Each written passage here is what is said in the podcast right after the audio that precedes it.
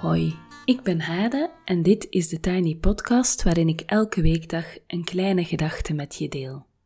Vandaag is het maandag 16 november en de kleine gedachte gaat over burgerschap. Ik ging in deze podcast een weekje lang aandacht besteden aan het onderwerp burgerschap. Alleen loopt dat op dit moment een beetje uit de hand en beginnen we aan de tweede themaweek over dit onderwerp. Maar ik beloof, vrijdag rond ik dit onderwerp voorlopig af en vanaf volgende week maandag gaan we weer over op de gewone, uh, gevarieerde dagelijkse gedachten.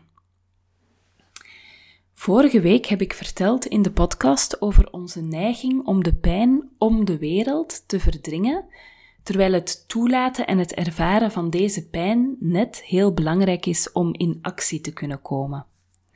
Op donderdag en vrijdag gaf ik maar liefst negen oorzaken van die verdringing, psychologische oorzaken. En die zijn gebaseerd op het werk van uh, Joanna Macy in haar boek Terugkeer naar het leven, een, zeker een aanrader. En wat ik gedaan heb, is dat ik eigenlijk haar uh, redenen heb gevolgd, maar ik heb ze op mijn eigen manier uitgelegd. Naast deze psychologische bronnen van verdringing onderscheidt Joanna Macy ook sociaal-economische bronnen van verdringing. En ook daar wil ik graag op ingaan. En opnieuw volg ik de opsomming van Macy, maar ik leg de factoren met mijn eigen woorden en eventueel mijn eigen voorbeelden We beginnen met de eerste, de massamedia. Macy schrijft: De snelle monopolisering van de media door bedrijven maakt dat er minder informatie over de mishandeling van andere mensen en van de natuur doorstroomt. Einde citaat. Macy heeft het ook over desinformatie. Haar boek dateert van 2012 en ik denk dat de term fake news toen nog niet bestond, maar ik vrees dat de omvang van het probleem, sinds zij het beschreven heeft, alleen maar is toegenomen. Macy schrijft, Begin citaat. In plaats van de mensen te informeren over wat er met de wereld gebeurt, dienen de door bedrijven gecontroleerde media voornamelijk ter verstrooiing als slaapmiddel en als prikkel om te consumeren. Einde citaat. En dan denk ik zelf bijvoorbeeld ook aan het item van de algoritmes, dat Arjen Lubach schitterend toelichtte aan de hand van een um, verhaal over complottheorieën. En je vindt uh, dat filmpje uh, op YouTube. Het is een stukje uit Zondag met Lubach.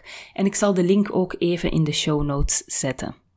Dus hij vertelt eigenlijk hoe je um, op internet, als je ergens met een thema begint, dat je eigenlijk steeds dieper in een soort van um, rabbit hole uh, meegezogen wordt, doordat via algoritmes allerlei informatie toegevoegd wordt of linkjes worden toegevoegd, uh, waardoor je in een soort van tunnel terechtkomt van informatie, die vaak extremer en extremer wordt en die vaak ook niet klopt. Um, dus dat probleem van die algoritmes, dat moest denk ik in 2012 ook al wel bestaan hebben. Maar um, ik denk dat dat op dit moment ook heel wezenlijk is en uh, dat heeft Arjen Lubach volgens mij heel goed geïllustreerd. Gelukkig zijn er ook de kritische media, maar we moeten ons ook bewust zijn van de filter in de trechter van het nieuws dat onze kant uitstroomt. En dan ga ik over op het tweede stukje, wat voor mij heel herkenbaar is, namelijk werk- en tijdsdruk. Het tempo van het leven en ons werken is behoorlijk toegenomen.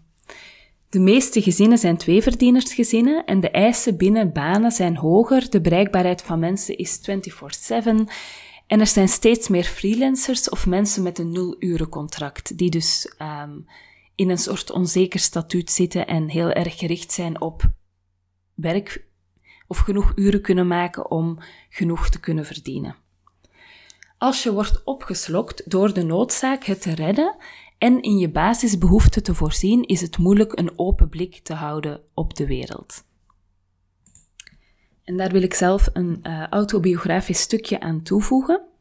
Um, het is maandag, dus het is net weekend geweest. En ergens dit weekend had ik plots een heel goed gevoel, omdat ik erin geslaagd was de was weg te werken, lasagne te maken en de koelkast uit te wassen. En toen dacht ik, stelde iemand mij vraagt hoe was je weekend en ik zou vertellen, ja, geweldig, want ik heb de was kunnen doen en ik heb, oh ja, ik heb ook een boek gelezen dit weekend. En ik heb de koelkast uitgewassen, dus het was echt een topweekend. Dan zou bijvoorbeeld mijn twintigjarige zelf dat ontzettend sneu gevonden hebben, dat dat dus de definitie zou zijn van een topweekend. Um, maar ik denk dat dat wel een soort realiteit is in het leven met kleine kinderen. Dat een weekend waarin je en een boek kan lezen en de was kan doen en de koelkast hebt uitgewassen, dat dat echt wel een topweekend is. Um, ja, ik herinner mij wel ook dat ik mij als kind, of zeker puber, wel afzette tegen mijn ouders. Ik denk dat dat normaal is. En dat ik ook het gevoel had dat die enkel maar met zichzelf bezig waren, um, terwijl mijn ouders op zich sociaal ingestelde mensen zijn, die ook zeker uh, er voor andere mensen uh, willen zijn. Maar ik had het idee dat zij zo de grote wereldproblemen maar lieten sudderen en daar verder weinig mee bezig waren. En nu ben ik zelf natuurlijk 36 en heb ik kinderen. En nu is zo de urgentie dat de brooddoosjes gevuld zijn, dat de koelkast uitgewassen is, dat de kleedjes klaar liggen. Zeg maar al die dagdagelijkse kleine dingen, die zijn zo aanwezig en die slorpen mij zo hard op dat ik vaak ook het idee heb dat ik daardoor ook zo de link en de connectie met het grotere geheel en met wat er allemaal speelt in de wereld verlies. Dus dat is misschien iets wat ik nog aan die werk- en tijdsdruk wil toevoegen. Um, dat ook de druk van een gezin zeker ook met jonge kinderen, um, echt ook een reden kan zijn waardoor het heel moeilijk is om betrokken te blijven op het grotere geheel. En dan de derde reden die Joanna Macy dan uh, noemt, is maatschappelijk geweld. Macy zegt, de economische nood die door de industriële groeimaatschappij wordt veroorzaakt, tast het weefsel van onze samenleving aan en veroorzaakt geweld. En ze gaat verder.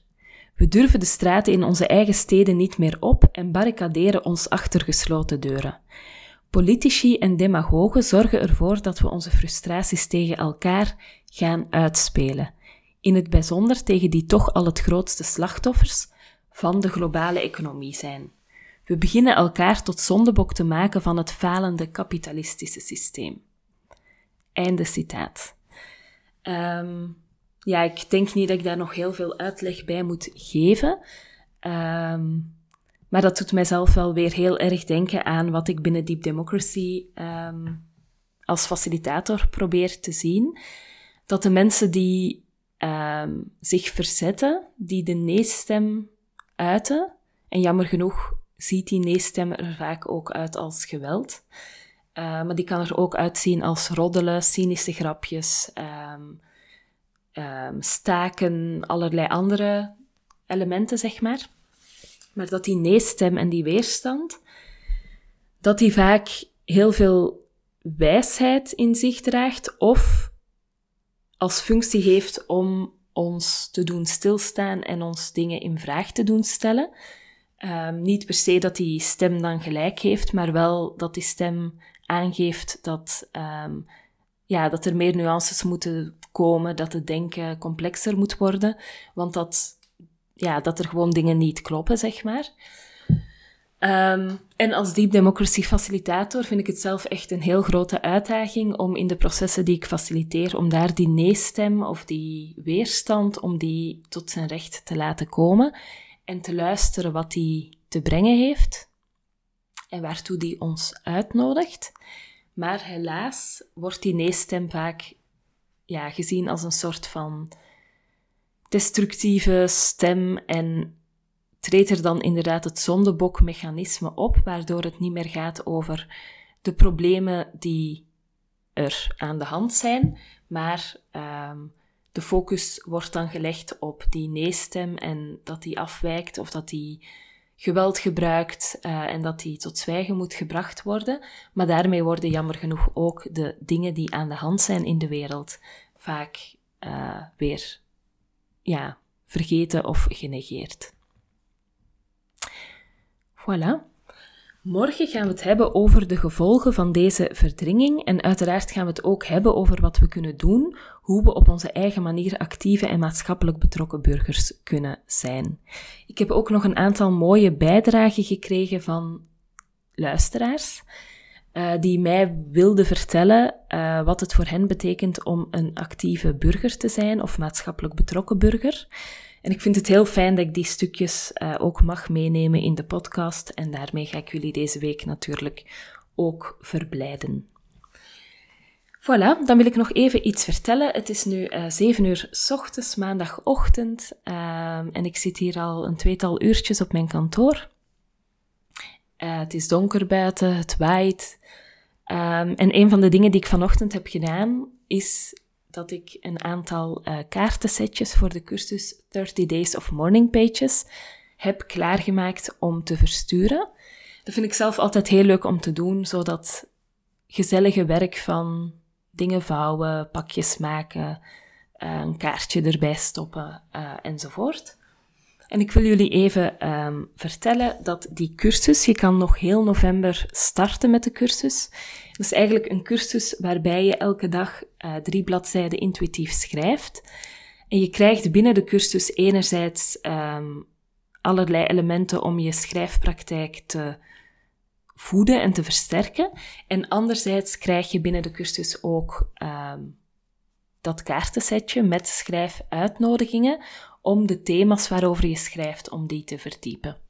Dus als je graag uh, wil deelnemen aan die cursus, dan uh, ben je van harte welkom. De link staat in de show notes. Tot zover de Tiny Podcast voor vandaag. Je kan me volgen op Instagram, TheTinyPodcast. Je helpt me door deze podcast wat sterretjes te geven op iTunes een review achter te laten en of hem door te sturen aan iemand anders die er misschien ook graag naar luistert. Tot morgen.